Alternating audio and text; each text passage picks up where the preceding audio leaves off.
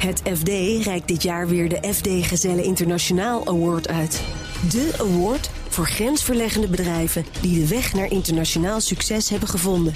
De FD Gazelle Internationaal Award wordt uitgereikt op 11 april tijdens Trends in Export in Amsterdam. Meer weten? Kijk op fd.nl/slash gazelle. FD Gazelle Internationaal. Een initiatief van het Financiële Dagblad in samenwerking met Trends in Export van Atradius en Evo Venedex. Beleggerspanel. De Fed komt deze week met haar nieuwe rentebesluit... en de duurzame kloof tussen Europese en Amerikaanse oliebedrijven blijft groeien. Dat en meer bespreek ik in het beleggerspanel met Jos Versteeg... van Insinger Gillissen en Lodewijk van der Kolf van Comgest. Welkom heren, goed dat jullie er zijn. Dankjewel. Dankjewel. Met natuurlijk allereerst uh, een nieuwsfeit dat jullie opgevallen is... Uh, vandaag de dag. Jos, wat mag het zijn? Ja, de cijfers van Samsung, dat was uh, toch wel een meevaller. Uh, vooral hoe ze over de semiconductorindustrie praten, over de uh, geheugenchips. Daar verwachten ze prijsstijging van het vierde kwartaal... en een verder herstel in 2024.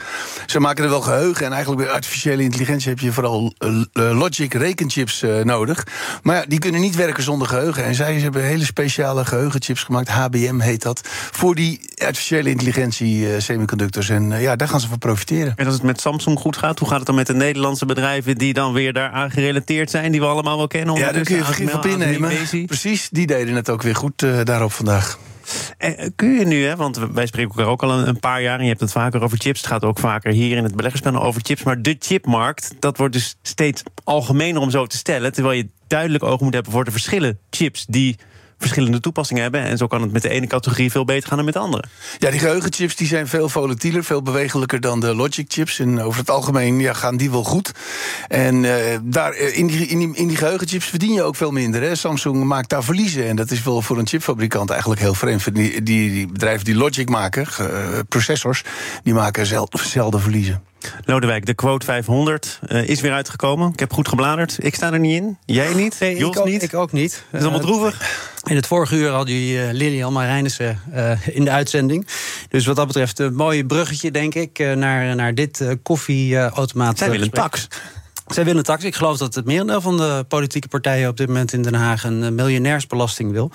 Uh, wat je dan altijd mist is uh, toch dat de koopkracht ook van miljonairs afgelopen jaar met 10% onderuit is gegaan. Dus wat dat betreft had de kop natuurlijk ook anders kunnen zijn dan dat hij nu in de Telegraaf staat dat de rijken steeds rijker worden. Want ook bij hen is natuurlijk de koopkracht echt onderuit gegaan. Maar even alle gekheid op een stokje. Uh, de, de mensen die veel vermogen hadden, die hebben relatief weinig last gehad van corona. Je ziet dat uh, de, de, mensen die in uh, traditionele bedrijfstakken zitten, of het nou bier is of uitzendbranche, die zijn er misschien niet echt op vooruit gegaan, maar zijn ook niet zo hard achteruit gegaan als een aantal van de nieuwkomers die natuurlijk in de afgelopen jaren erin zijn gekomen. Met name de oprichters van Adyen hebben toch een behoorlijke veer moeten laten. 8 november is de Investor Day. Misschien dat de koers dan wil herstellen. Ja, dat is volgens mij ook een unicum. Hè? Dat uh, Adyen nu toch maar eens gaat praten met beleggers om ze op de hoogte te stellen van het wel en wee van het bedrijf. Ja, dat is, een, uh, dat is voor hen een cultuuromslag. Uh, ik moet zeggen, wij vinden het zelf wel sympathiek dat ze op de lange termijn gericht zijn. Maar je merkt gewoon dat de beurs echt wel behoefte heeft aan tussentijdse updates. En zeker als Worldline, Franse concurrent, met een winstwaarschuwing komt afgelopen week. dan zie je dat de koers van Atjen er ook weer onder leidt. We gaan naar uh, Amerikaanse oliebedrijven. Die lijken volop in te zetten op olie. Dat bleek onder andere uit twee recente miljardenovernames van ExxonMobil en Chevron. Ondertussen investeren Europese oliebedrijven hun geld ook in duurzame energie. Maar dat lijkt de belegger nog niet te waarderen. Op de beurs wordt de kloof tussen Europese oliebedrijven en Amerikaanse concurrenten steeds groter. Er is ook over geschreven in Nederlandse media. Jos, uh, allereerst maar eens die overnames van ExxonMobil en Chevron. Dat is uh, serieus, hè? Dat zijn geen kleine bedragen. Ja, dat zijn grote overnames. Doet denken aan de jaren 90, uh, toen uh, ExxonMobil ontstaan is. Um, Exxon is inmiddels 50% groter dan, dan Shell. Dus het zijn echt wel uh, flinke acquisities geweest. En ik denk ook wel hele slimme acquisities. Kijk, die Amerikanen, dat is denk ik het hele grote verschil met hoe wij in Europa denken. Wij hopen, en ik zelf ook hoop dat, dat rond 2050 dat we echt van de fossiele brandstof af zijn. Maar de Amerikanen die, zijn, die zeggen van wij zijn wat meer dichter bij aarde. En wij denken denken dat dat voorlopig nog onnodig zal zijn. Dus daarom uh, positioneren we ons op die markt. Maar en is het overnemen van concurrenten nu ook echt het vertrouwen uitstralen dat je denkt dat olie nog heel lang nodig blijft en dat je er ook extra naar gaat zoeken? Want dat verschil moet je misschien wel maken. De ja. grote nemen de kleine over, maar het wil niet meteen zeggen dat ze ook extra onderzoek doen naar nieuwe velden. Of nee, er komt niet meer olie bij. Dat is, dat is natuurlijk wel het nadeel. Maar ja, ze maken hun productie een stuk flexibeler. Die schalieolie is een stuk flexibeler. Uh, Chevron die Hess kocht, dat was al een hele tijd in de planning. Die heeft nu een flink belang in het Stabroekveld bij Guyana. En dat was voor de Guyanezen denk ik eh, niet zo'n goede deal. Maar voor Exxon was het een fantastische deal. Ja.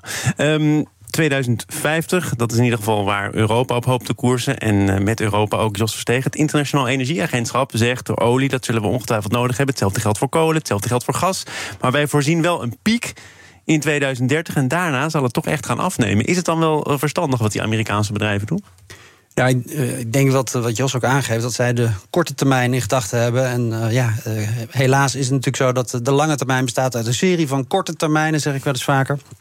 En die Amerikanen die doen heel slim natuurlijk enorme kaststroom genereren ze de komende jaren nog uit fossiele brandstof. En ja, bedrijven hier in Europa staan al jarenlang onder druk. Oliebedrijven staan al heel lang onder druk om iets te doen in alternatieve energie. Alleen als je kijkt naar wat die alternatieve energiebedrijven op de beurs hebben gedaan. Dan is het echt een bloedbad. Is ja, dat. Heb je het bijvoorbeeld over eh, bedrijven die dachten dat ze veel geld konden verdienen met windmolens? Ook vaker besproken op deze plek. Ja, er staat in de Financial Times een heel groot artikel over eh, windmolenenergieparken in Europa op dit moment. Nou, daar schieten de tranen schieten je in de ogen. Dus je gaat eigenlijk terug naar een veilige haven?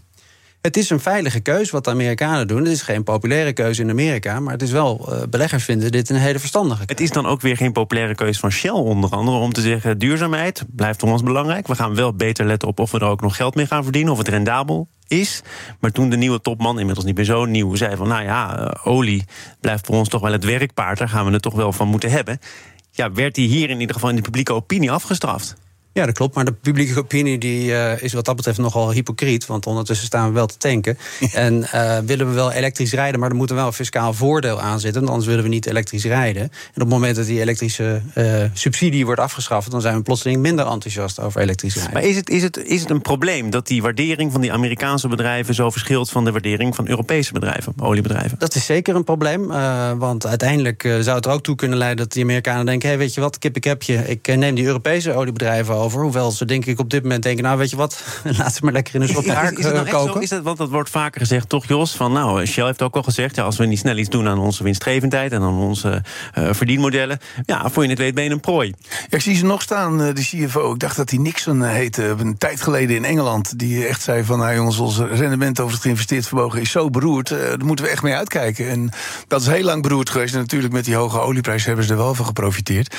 Maar dat is een, een gevaar, wat Lodewijk ook zegt... van ze kunnen overgenomen worden. Maar die Exxon en Chevron die profiteren van hun hoge waardering. om door dus lagere bedrijven met een lagere waardering. met, met aandelen over te nemen. Dus uh, ze maken ook uh, gebruik van financial engineering, uh, om het zo maar, te zeggen. zegt het is een risico. Aan de andere kant zullen die Amerikanen denken. Joh, nee, ik denk, ik denk dat die Amerikanen denken van dat Europa. dat, dat ESG-gebeuren daar, daar houden we helemaal niet van. Daar blijven we voorlopig maar weg. Ik kan me niet voorstellen dat de Amerikanen een bot op Shell gaan doen.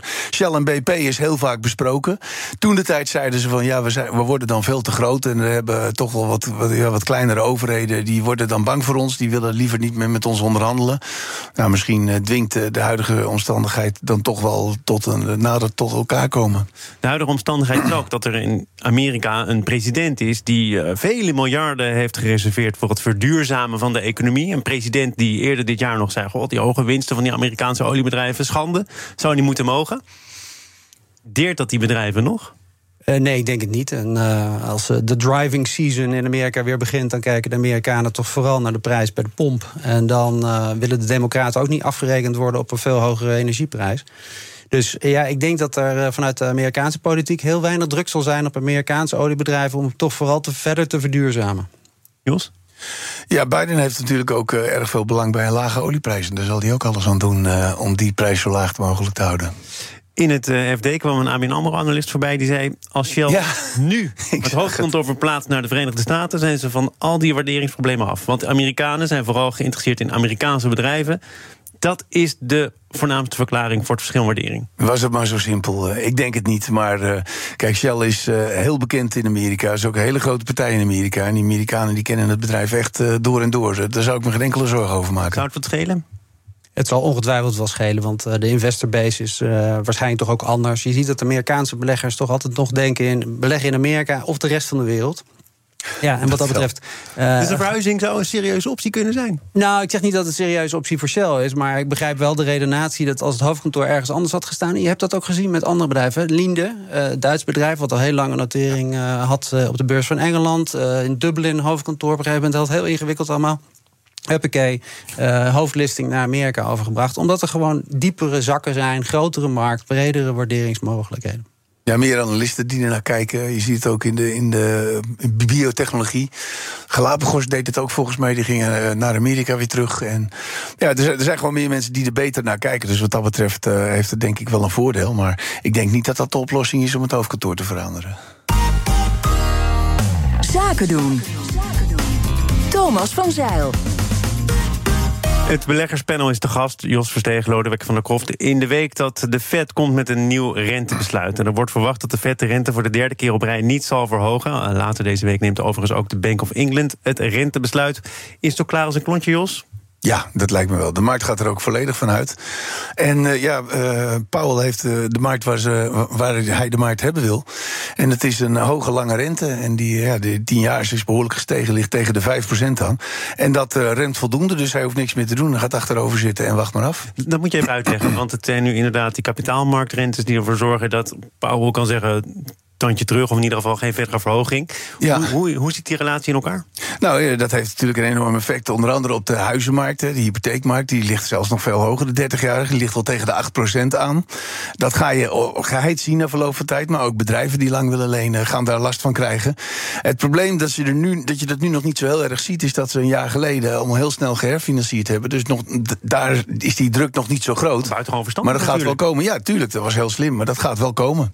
Wat en dan zie je pas echt Wat gaat dat betekenen? Dat steeds meer bedrijven en op een hoog niveau ook nog weer landen moeten gaan nadenken over herfinanciering onder totaal andere voorwaarden. Nou, dat, dat uh, precies wat Jos zegt. Hè. De kapitaalmarkt doet het werk van centrale banken op dit moment. Het oplopen van die lange rente is een probleem voor iedereen die moet herfinancieren. Nou heb ik wel laatst een onderzoek gezien dat met name in Amerika die financiering eigenlijk vrij lang vooruit is uh, gemaakt de afgelopen periode. Dat met name Europese high-yield bedrijven uh, kwetsbaar zijn dat in Europa op, uh, ik geloof op een termijn van twee jaar, een kwart alweer terug naar de markt moet. Ja, en dat gaat pijn doen. Uh, terwijl in Amerika dat percentage een stuk lager ligt. Maar feit is dat het oplopen van die lange rente in een heel kort tijdsbestek zijn we nou, richting de 5% eh, gegaan op risicovrij papier. En dat doet gewoon pijn. Gisteren ging het in het economenpanel over de vraag of de ECB dat zei Lagarde namelijk in een interview met de Financial Times... had eerder moeten beginnen, wat moediger moeten zijn... maar of er inmiddels niet te lang is doorgegaan met het verhogen van die rente. Kun je die vraag ook stellen uh, over het besluit van uh, Powell de afgelopen tijd? Of nou, ik denk dat precies on point? Ik denk dat uh, Amerika iets uh, vooruit loopt. en wat dat betreft de markt Powell wat voordeel van de twijfel geeft. Ik zag dat de CEO van BNP had opgeroepen dat de ECB nu toch snel de rente zou moeten gaan verlagen om de economie te ondersteunen. En dat zegt denk ik ook iets over het feit dat hier in Europa, ondanks het feit dat de rente bij ons lager ligt dan in Amerika, al snel het water weer aan de lippen komt. En dat komt natuurlijk onder andere vanwege het conflict met uh, Oekraïne en Rusland, de gevoeligheid die wij hebben voor uh, olie- en gasprijzen. We zijn wat dat betreft gewoon in een wat slechtere conditie uh, met deze renteverhogingen bezig dan in Amerika. Eens? Ja, we kunnen gewoon minder hebben. Dat is, uh, dat is heel duidelijk. Kijk, maar vanmiddag krijgen we de groeicijfers. En dat wordt waarschijnlijk, tenminste de markt verwacht 0%. Kwartaal op kwartaal. En bij een tweede kwartaal van 0,1%. Dus je kan wel zeggen dat Europa ongeveer tot stilstand is gekomen. En dan toch nog even naar Amerika. Want jij was hier gisteren ook, Jos. Toen hadden we het over de correctiefase die op de beurs plaatsvindt. Toch nog even naar het sentiment ja. onder beleggers kijkende. Want die cijfers die de afgelopen weken zijn gepresenteerd... die zien er alleszins aardig uit. Maar het ja. sentiment is heel anders. Heeft dat ook te maken met uh, de economische groeiverwachting? Ja, vooral de verwachting van dat het mogelijk toch wel wat, uh, wat minder gaat worden. Als je kijkt naar de inkoopmanagers, die, die kijken toch wel vooruit. En daar bijvoorbeeld vanochtend in China was, uh, was behoorlijk slecht. Het viel echt behoorlijk tegen. Dus die, dat herstel in China is ook niet zo goed als het er uh, Want, aanvankelijk China uitzag. kwam toch, wat was het een maand geleden, met spectaculaire groeicijfers die veel ja. beter waren dan verwacht. 4% meen ik. Ja, dat, dat kan ik me niet meer goed herinneren. Maar die inkoopmanagerscijfers die, die sloegen er wel in. Over Jos, over dat groeicijfer van China. Misschien is dat op zijn plek of niet. Ja, nou ja, groeicijfers uit China moet je altijd uh, voorzichtig mee zijn. Uh, ja, kijk, beurzen hebben de afgelopen drie maanden zijn ze 8% onderuit gegaan. MSCI Europa 8% onderuit. Um, enerzijds denk ik, wat Jos zegt, dat dat komt omdat de vooruitzichten wat minder zijn. Maar anderzijds is toch eigenlijk die rente vooral bepalend geweest, denk ik, voor die enorme correctie. Op het moment dat, uh, dat je risicovrij een hogere rente kan krijgen op je bankspaarboekje. Onze Belgische uh, zuiderburen die met z'n allen massaal geld konden lenen bij de Belgische staat. Voor de bonbon. De bonbon. Uh, ja, dat zijn hele plausibele alternatieven voor het risico wat je loopt op aandelen. En dat verklaart waarom de beurs. ja, we stonden 12% hoger in Europa, niet zo lang geleden. En nu is het nog maar 4%. Kwam het spectaculairste centrale bankennieuws inderdaad, zoals eerder aangehaald door mijn collega Jochem Visser uit Japan, Lodewijk? Uh, nou, of het echt heel spectaculair is, dat weet ik niet. Uh, de, de Japanners staan erom bekend dat ze uh, glacial zijn, zoals dat zo mooi heet. ik weet niet precies hoe je dat in Nederland moet staan, maar heel, gele heel geleidelijk. Ja, hè? ja het, het, smelt heel langzaam en het hart heel langzaam aan. Um, en in dit geval denk ik dat, uh, dat je een hele lange adem moet hebben. Het zit hem met name, denk ik, in het oplopen van de Amerikaanse rente... dat de Japanse yen zo zwak is. Ja, want wat dat betreft is dat gat is niet ontstaan... doordat de Japanners zo weinig doen. Nee, het is de Amerikaanse centrale bank... die grote stappen heeft gezet in een kort tijdsbestek. Zometeen gaat het over de tweedeling onder de luxe merken op de beurs. En daar is ook een goede reden voor, want Jos Versteeg weet er alles van.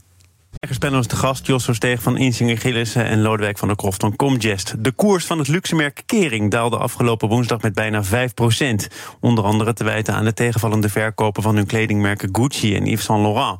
Kering is overigens niet het enige luxemerk dat het moeilijk heeft. Zo vielen de resultaten van LVMH eerder deze maand ook al tegen. Ondertussen doet concurrent Hermes het juist heel goed op de luxe markt.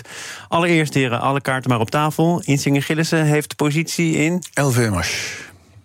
Uh, wij hebben positie bij Comgest in uh, LVMH en in Hermes. Dat gezegd hebbende, die luxe sector en ook deze merken... die hebben opvallend goede jaren achter de rug. Zeker die coronajaren. Gewoon het feit dat mensen geld over hadden en dachten... weet je wat, dat tasje dat ik eigenlijk niet kan betalen... komt nu toch wel in zicht, ik doe het. Ja, daar hebben, ze, daar hebben ze wel van geprofiteerd, inderdaad. Ja. Alhoewel, ja, om gelijk maar met de deur in huis te vallen over kering. Die had een behoorlijk veel verkopen van Chinezen die op reis waren op die vliegvelden. En daar hebben zij wel behoorlijk last van gehad, want die mochten dus niet meer reizen. Maar zie jij ook wel heel duidelijk een relatie met dat coronageld dat uitgegeven werd aan deze producten. En nu de economie weer open is, die producten ook enigszins uit de gratie zijn geraakt? Nou, of speelt er iets anders, Lodewijk? Nou ja, je, je, hebt in eerste instantie heb je natuurlijk een vertraging gezien in die Chinese uh, vraag naar luxe producten.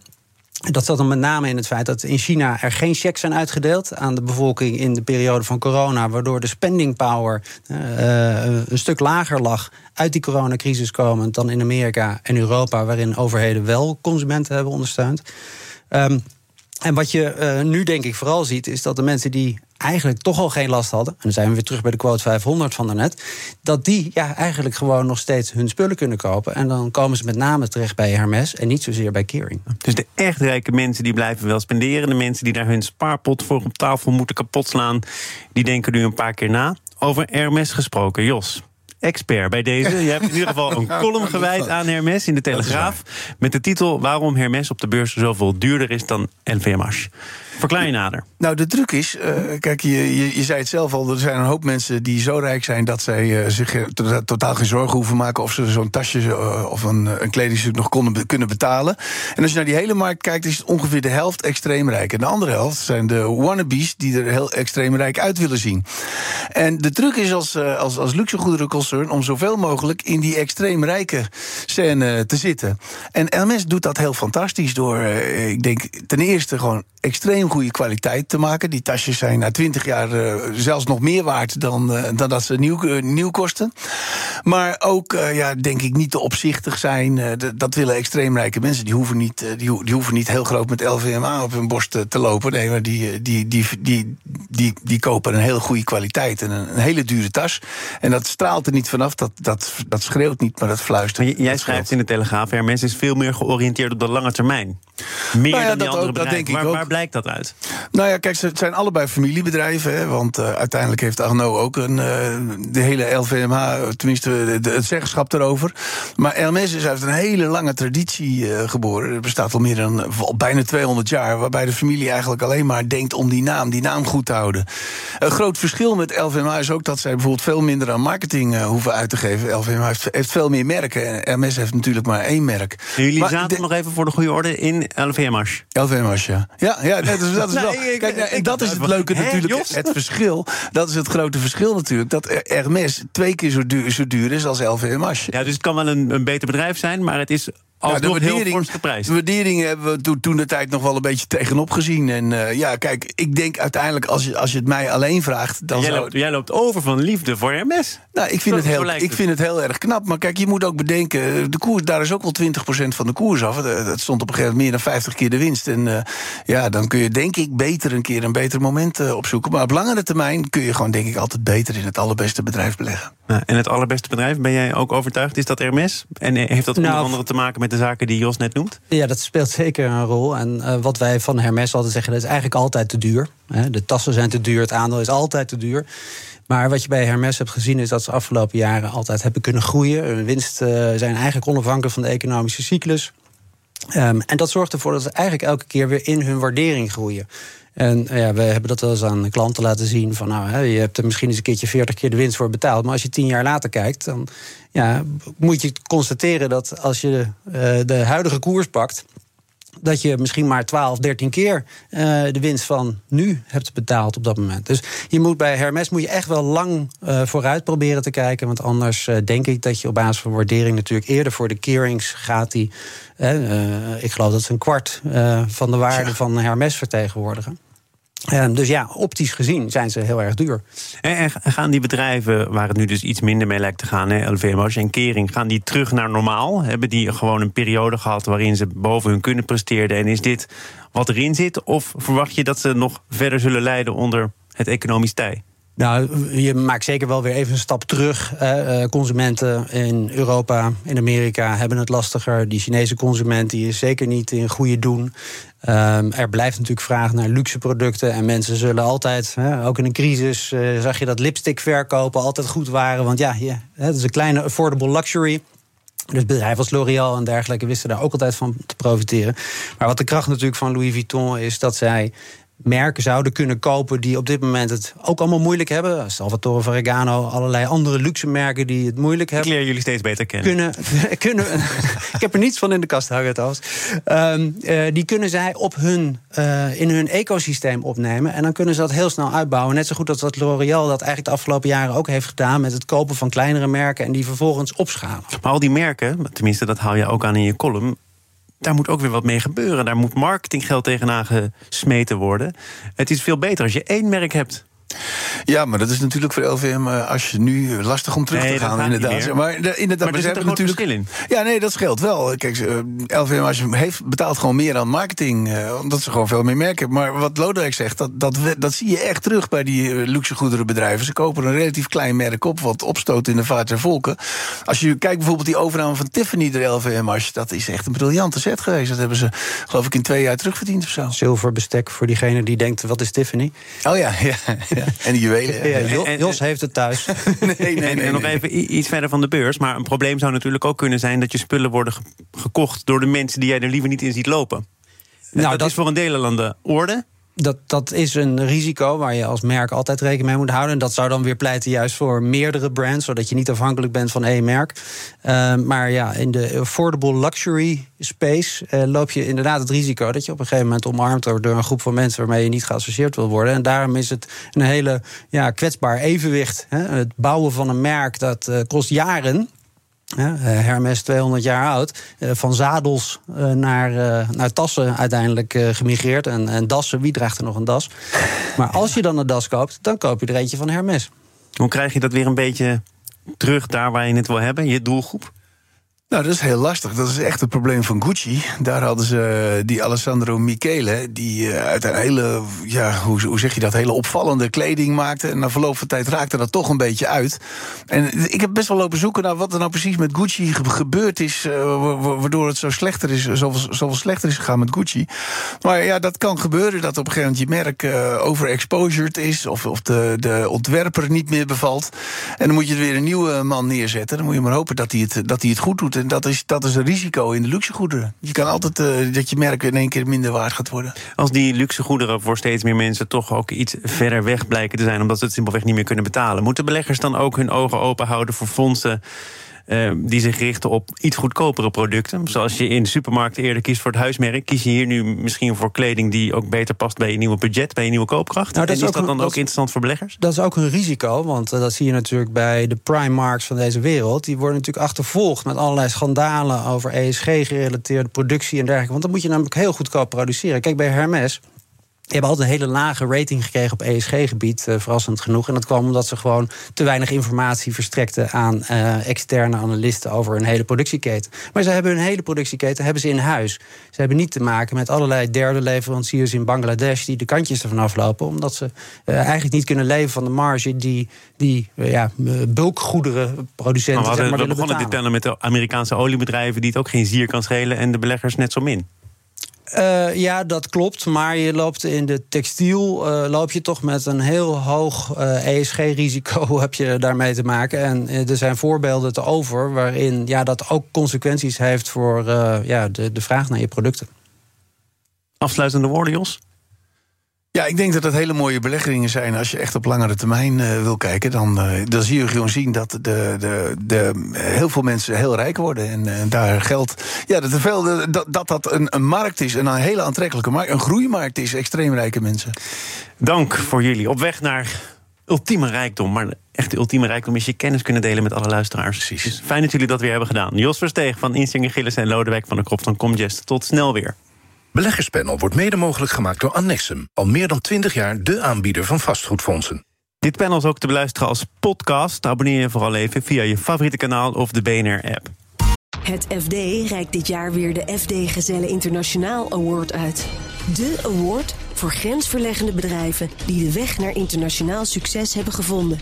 De FD Gazelle Internationaal Award wordt uitgereikt op 11 april tijdens Trends in Export in Amsterdam.